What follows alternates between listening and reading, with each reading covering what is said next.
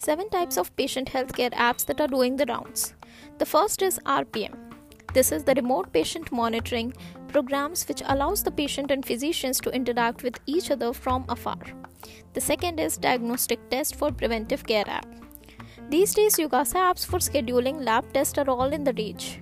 It allows people to schedule lab tests at their convenience. Aside from that, there are benefits such as online report generation, savings and bundles, physician and dietitian consultations, and access to extensive collection in remote locations. The third is chronic disease monitoring app. Diabetes, hypertension, heart diseases, cancer, and other chronic illness may be treated via regular monitoring and management applications.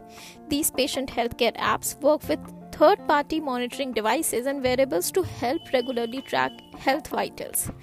The fourth is Reminder app for medicine and goal tracking. Medication adherence is one of the most critical parts of chronic disease treatment. In complex pharmacological regimens, several intentional and unintentional events often break the treatment cycle. This might include, among other things, forgetting to take or refill a prescription, having a poor understanding of doses or schedules, and opting to change or treat the treatment plan based on the pharmacological responses.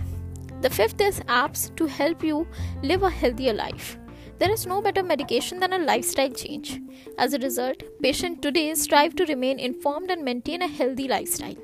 Yugasa apps are an excellent way to ensure that your lifestyle change goals are reached. The sixth is yoga and fitness related apps. During the COVID 19 outbreak, the focus was entirely on online fitness classes. Unique methods of staying active, such as Zumba, yoga, boxing, indoor cycling, and others. This became more important as a desire grew for an at home anytime workout regimen due to restrictions going on out. The seventh and most important is the mental health app. Mental health Yugasa apps include stress management tools, activities, and support anxiety treatment, addiction control, mood boosting, eating disorder, suicide awareness, stress management, meditation, and other mental health benefits, which are provided via Yugasa apps.